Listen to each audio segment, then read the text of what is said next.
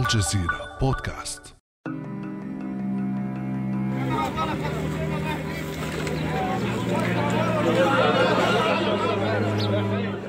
في أول أيام عيد الفطر المبارك تجمع عشرات الفلاحين في قرية ميت رهينة بالجيزة شمال مصر لأداء صلاة الجنازة دون اتخاذ أي إجراءات احتياطية تحسباً للعدوى.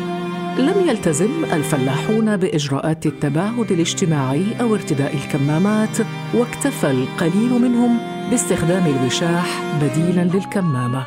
رغم أنهم كانوا يشيعون طبيبا من أبناء القرية توفي مصابا بفيروس كورونا الطبيب المتوفى محمد الجابري نفسه كان ينصحهم دوما باتخاذ إجراءات الحيطة والحذر أنا دكتور محمد عبد الباسط الجبري أخصائي الأمراض المعدية والحميات مستشفى حميات امبابه يا جماعة يا ريت اللي هركب الحاله يلزم البيت تنظيف البيوت ب...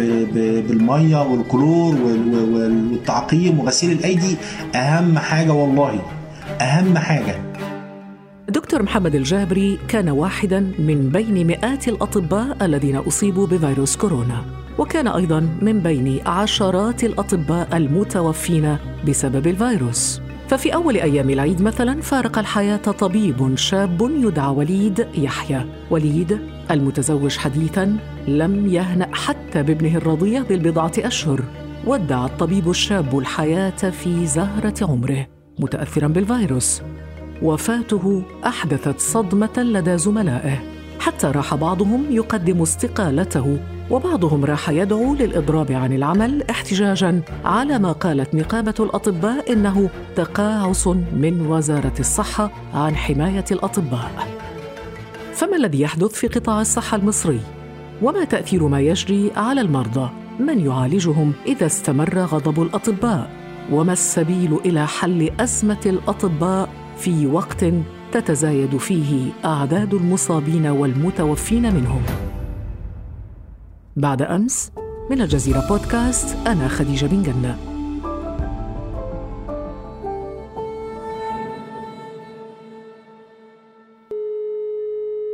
ينضم إلينا في هذه الحلقة من لندن الدكتور محمد فتوح استشاري جراحة بالمملكة المتحدة وعضو مجلس نقابة الأطباء سابقا في مصر. أهلا وسهلا بك دكتور. أهلا وسهلا بحضرتك. دكتور محمد فتوح اشرح لنا في البداية ما الذي يحدث للأطباء في مصر وكيف تدهورت الأمور بين الأطباء ووزارة الصحة إلى هذا الحد؟ اللي بيحصل دلوقتي في المستشفيات المصرية عموما إن الأطباء وجدوا إن الحكومة المصرية قد تقاعست عن تقديرهم في الوقت اللي دول العالم كله بتقوم بتقدير الأطقم الطبية فيها وبتوجه ليهم امتيازات مادية ومعنوية كتير قوي الحكومة المصرية تقدير الناحية المادية كان ضعيف جدا ما زادش عن حوالي 400 جنيه في زيادة في بدل طبيعة المهن الطبية اللي قررها رئيس الجمهورية يعني ما يعادل حوالي 20 دولار فقط شهريا. وحتى الآن لم يتم صرفها. كذلك كانوا واعدين الدكاترة اللي هم هيروحوا مستشفيات العزل بمبالغ مرتبات شهرية حوالي 20 ألف جنيه. الأطباء وجدوا إن هو المبالغ دي ما بتزيدش عن 5000 جنيه ساعة لما جم يقبضوها يعني.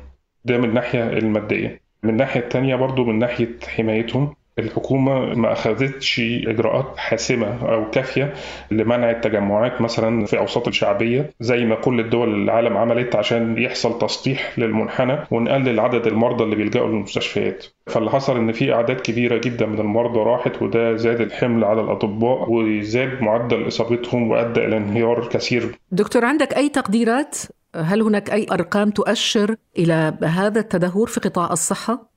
طبعا في غياب الأرقام الرسمية أو الأرقام الرسمية الفاقدة للمصداقية زي ما إحنا بنشوف في بيانات وزارة الصحة من الصعب جدا الحصول على أي أرقام بس الأكيد إن أعداد الإصابات بتاعة الأطباء وصلت للمئات يقال إن هي قربت على حوالي 500 إصابة والوفيات قربت على ال 50 وفاة بالأمس للأسف فقد سبع أطباء حياتهم نتيجة الإصابة بكورونا يعني. نشير هنا فقط إلى أننا نتحدث عن الأرقام الخاصة بالأطباء وليس كل الأطقم الطبية من ممرضين وعمال قطاع الصحة وهذه الأرقام تعتبر كبيرة. بالفعل يعني إحنا عندنا في النسبة العالمية حتى في الدول اللي حصل فشل في المنظومة الصحية باعتراف أهلها وباعتراف المسؤولين فيها زي إيطاليا مثلا نسبة الأطقم الطبية عموما من ضمنها الأطباء كانت 4 من 10% إحنا بنتكلم دلوقتي إن نسبة الأطباء لوحدهم وصلت حوالي 4% من اجمالي عدد الوفيات اللي تم الإعلان عنها. يعني النسبة أعلى من إيطاليا التي تعتبر أسوأ مثال في التدهور الصحي بفعل كورونا. بالفعل هي أكتر بحوالي 10 أضعاف ودي نسبة عالية جدا ولازم البحث وراء أسبابها لأن لم يتم تدريب الأطباء عليها بدرجة كافية. يعني إحنا لاحظنا أن عدد الأطباء المتوفين من أعمار كبيرة كان عالي جدا. المفروض أن الأطباء الأعمار الكبيرة أو الفئات المعرضة للخطر زي اللي عندهم أمراض مزمنة المفروض أن هم بيتم حمايتهم بيتقلل عدد ساعات عملهم أو بيتمنعوا من العمل وبيستعاض عنهم. أو يستثنون مثلا آه. لا يتم تشغيلهم في هذه الفترة. بيستعاض عنهم بالأطباء الأصغر سن سنا والأكثر صحة. ونحن نتحدث عن الواقع دكتور محمد فتوح. نتساءل عن المواجهة أين وصلت اليوم بين الأطباء ووزارة الصحة؟ هل من تفاهمات حتى الآن بين الطرفين؟ هو لغاية دلوقتي العلاقة ما بين الأطباء ووزارة الصحة لسه في مرحلة الشد والجذب. ما فيش نتيجة نهائية. في بعض الوعود حصلت من وزارة الصحة ورئيس الوزراء لما التقوا قبل أيام بنقيب الأطباء لكن لغاية دلوقتي الوعود دي ما دخلتش نطاق التنفيذ. المشكلة إن في مخاوف كبيرة جدا بانفجار الأوضاع ثانية يعني إذا لم يتم تنفيذ تلك الوعود في القريب العاجل. وزارة الصحة مستغنية عن أولادها. يعني الدكتور أحمد كامل دكتور عناية مركزة في ولاية دكرور محدش يعبرنا وكله يقول لك لا لا لا لا وإحنا بيتضحي بينا. ربما هذا ما يؤجج دكتور محمد غضب الأطباء في مصر هذا التباطؤ في التنفيذ من طرف وزارة الصحة هذا يقودنا إلى الحديث دكتور محمد فتوح عن أسباب غضب الأطباء. وأنت تطالع صفحة نقابة أطباء مصر الرسمية على منصات التواصل الاجتماعي تتخيل أو ينتابك شعور بأنك تطالع صفحة خاصة بالوفيات إذ لا يمر يوم إلا وتسجل حالة أو أكثر من حالة من الوفيات في صفوف الأطباء في مصر. هذا ونعت نقابة الأطباء في مصر ثلاثة أطباء اليوم جراء إصابتهم بفيروس كورونا إذا دكتور محمد فتوح هل يبدو لك المشهد طبيعيا؟ يعني كيف وصلت الأمور إلى هذا الحد من التدهور؟ في حاجة يمكن ملاحظة إن من أعداد الأطباء المتوفين في أعداد كبيرة جدا من التخصصات الجراحية زي أطباء النساء وأطباء الجراحة وأطباء المسالك اللي هم مش مفروض إن هم يبقوا موجودين على الخط الأول لمواجهة مصابين المرض ورغم كده بيلتقطوا الإصابة وبتكون شديدة لدرجة إن هم بيتوفوا.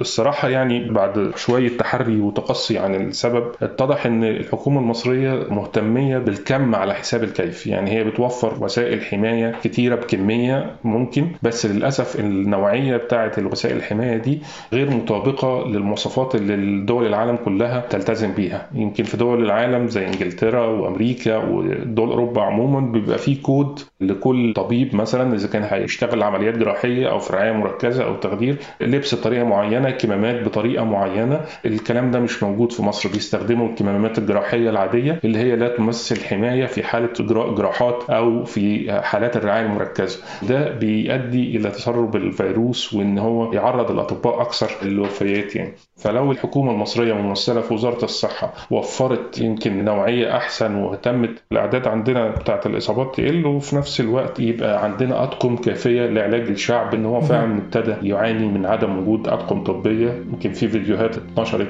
مؤخرا لمرضى بيدخلوا مستشفيات مش لاقيين أطباء كفاية يعالجوهم.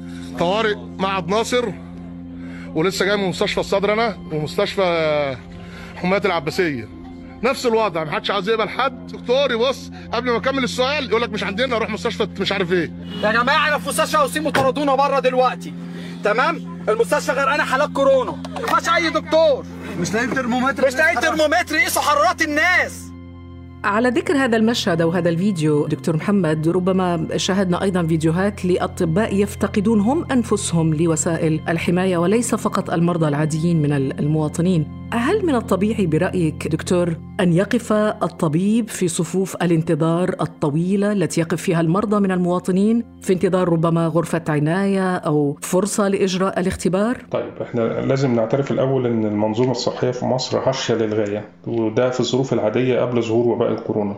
واللي بيحدث مع أطباء المصابين ليس بمنأى عن الحالة العامة للمنظومة. يعني ده اللي بيحصل مع معظم المرضى. كلهم مش لاقيين سرير. فالأطباء جزء منهم مش لاقيين سرير. الأطباء طبعا بيحسوا إن هو في شيء من الظلم يعني لأن هم مش لاقيين سرير في الأماكن اللي هم بيشتغلوا فيها أو في المنظومة اللي هم بيخدموها. الحقيقة إن هو ده يمكن سياسة الدولة نفسها أو استراتيجية الوزارة يمكن في دول تانية بيتم تخصيص أولويات للأسرة وللرعاية المركزة للأطقم الطبية لأسباب كثيره اولا إن هو ده بيؤثر على الحالة المعنوية للأطقم الطبية اللي شغالة في المستشفيات لما يلاقوا موقف زي ده.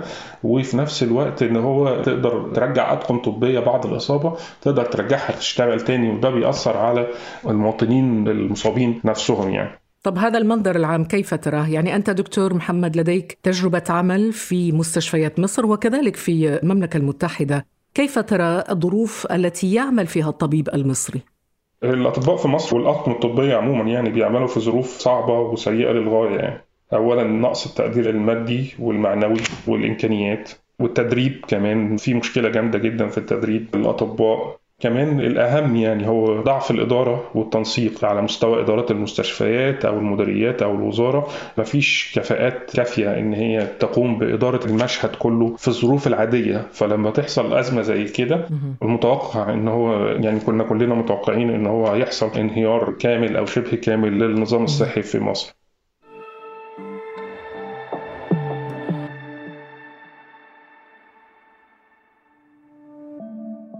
ابدأ بالاستماع الآن ولا تنسى تفعيل زر الاشتراك الموجود في تطبيقك لتصلك حلقاتنا اليومية فور صدورها. ابقى على تواصل مستمر مع الجزيرة بودكاست عبر صفحاتنا على فيسبوك، تويتر وإنستغرام. ربما هذه المشاكل أو هذا الضعف أو هذا النقص كان موجود قبل كورونا قد تكون أزمة كورونا كما يقال زادت الطينة بلة أكيد دكتور محمد لديك زملاء في مصر يعملون طبعا بحكم عملك هناك من قبل. من ماذا يشتكون عندما تتحدث معهم؟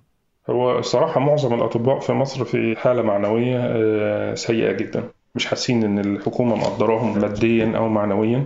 للأسف كمان إن هم كانوا ممكن يتحملوا ده لو في تقدير شعبي. يعني إحنا هنا في أوروبا مثلا أو في إنجلترا بالذات بيبقى في تقدير شعبي. بيقفوا للأطقم الطبية كل أسبوع بيسقفوا لهم. في مبادرات شعبية وتوفير وجبات مثلا للأطباء في المستشفيات. في تخصيص أماكن مميزة مثلا في المحال أو السلاسل التجارية. كل ده بيدي جزء من التقدير المعنوي الشعبي. لكن للأسف في مصر التقدير الشعبي الناس حتى بقت الأمور صعبة جدا.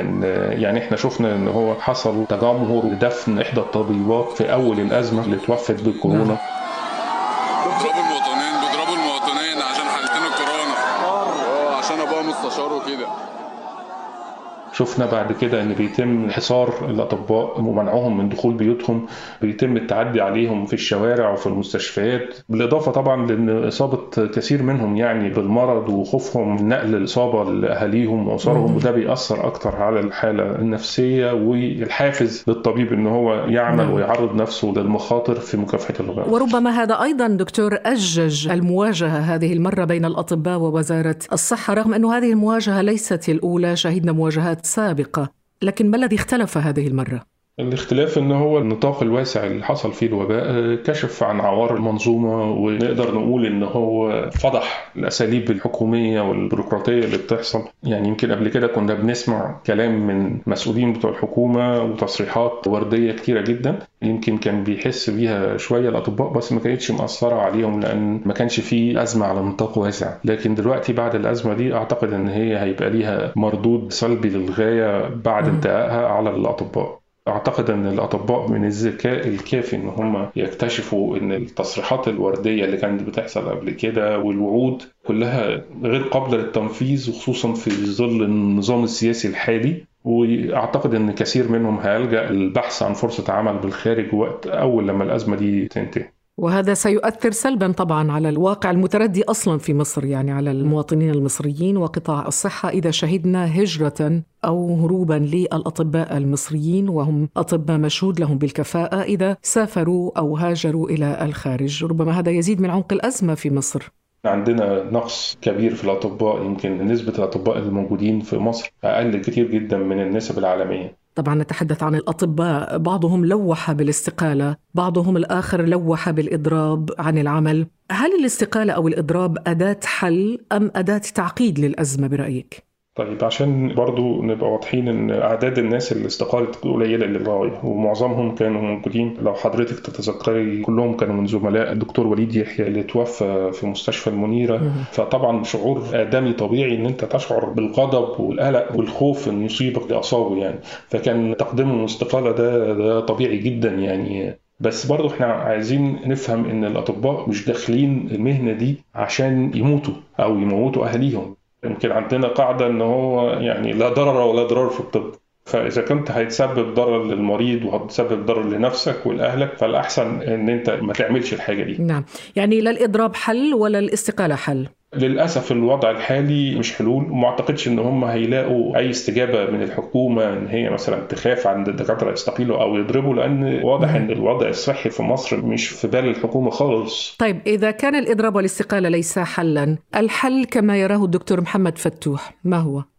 اولا تقدير مادي عالي جدا للأطباء يعني زيادة للمرتبات ولو حتى على هيئة مكافآت بصوره استثنائية لحد الوباء ده ما ينتهي. ممكن كمان لازم تحسين ظروف العمل. يعني إحنا بنشوف المستشفيات كلها امتلأت بالمرضى بيتم فيه اعتداءات على المستشفيات. لابد من توجيه مثلا قوات من الشرطة أو الجيش للتواجد في المستشفيات ومنع التعدي على الأطباء والأطقم الطبية في ظل الأزمة دي. اللي معتقد إنها ممكن تزيد ويزيد الاعتداءات. كمان لازم يبقى في دور أقوى للإعلام. يعني إحنا شايفين الإعلام في الأول كانوا بيدعوا إن هم بيشجعوا الأطباء ولقبوهم بالجيش الأبيض. بعد كده ابتدوا للتخوين والاتهام بالأخونة والدعشنة والحاجات زي كده. دخلت السياسة في الموضوع. السياسة لا يمكن فصلها عن واقع المشاكل بتاعت الأطباء وعن حقيقة النظام الصحي عموما. يعني في العالم كله المنظومة الصحية في أي دولة بيبقى ليها دور كبير في انتخاب أو عدم انتخاب الأشخاص اللي هم بيتصدوا للعمل العام سواء في المجالس المحلية إلى درجة رؤساء جمهورية. يمكن شفنا باراك أوباما يقال إن هو أكثر شيء نجحه في الانتخابات الرئاسية كان برنامج أوباما كير اللي كان معتمد على التأمين الصحي. فلا يمكن فصل السياسة عن واقع النظام الصحي في أي دولة. نتمنى أن تصل هذه الرسالة إلى الجهات المعنية. شكرا لك الدكتور محمد فتوح استشاري الجراحة بالمملكة المتحدة وعضو مجلس نقابة الأطباء في مصر سابقا. شكرا جزيلا دكتور. تحت أمرك. شكرا جزيلا. كان هذا بعد أمس.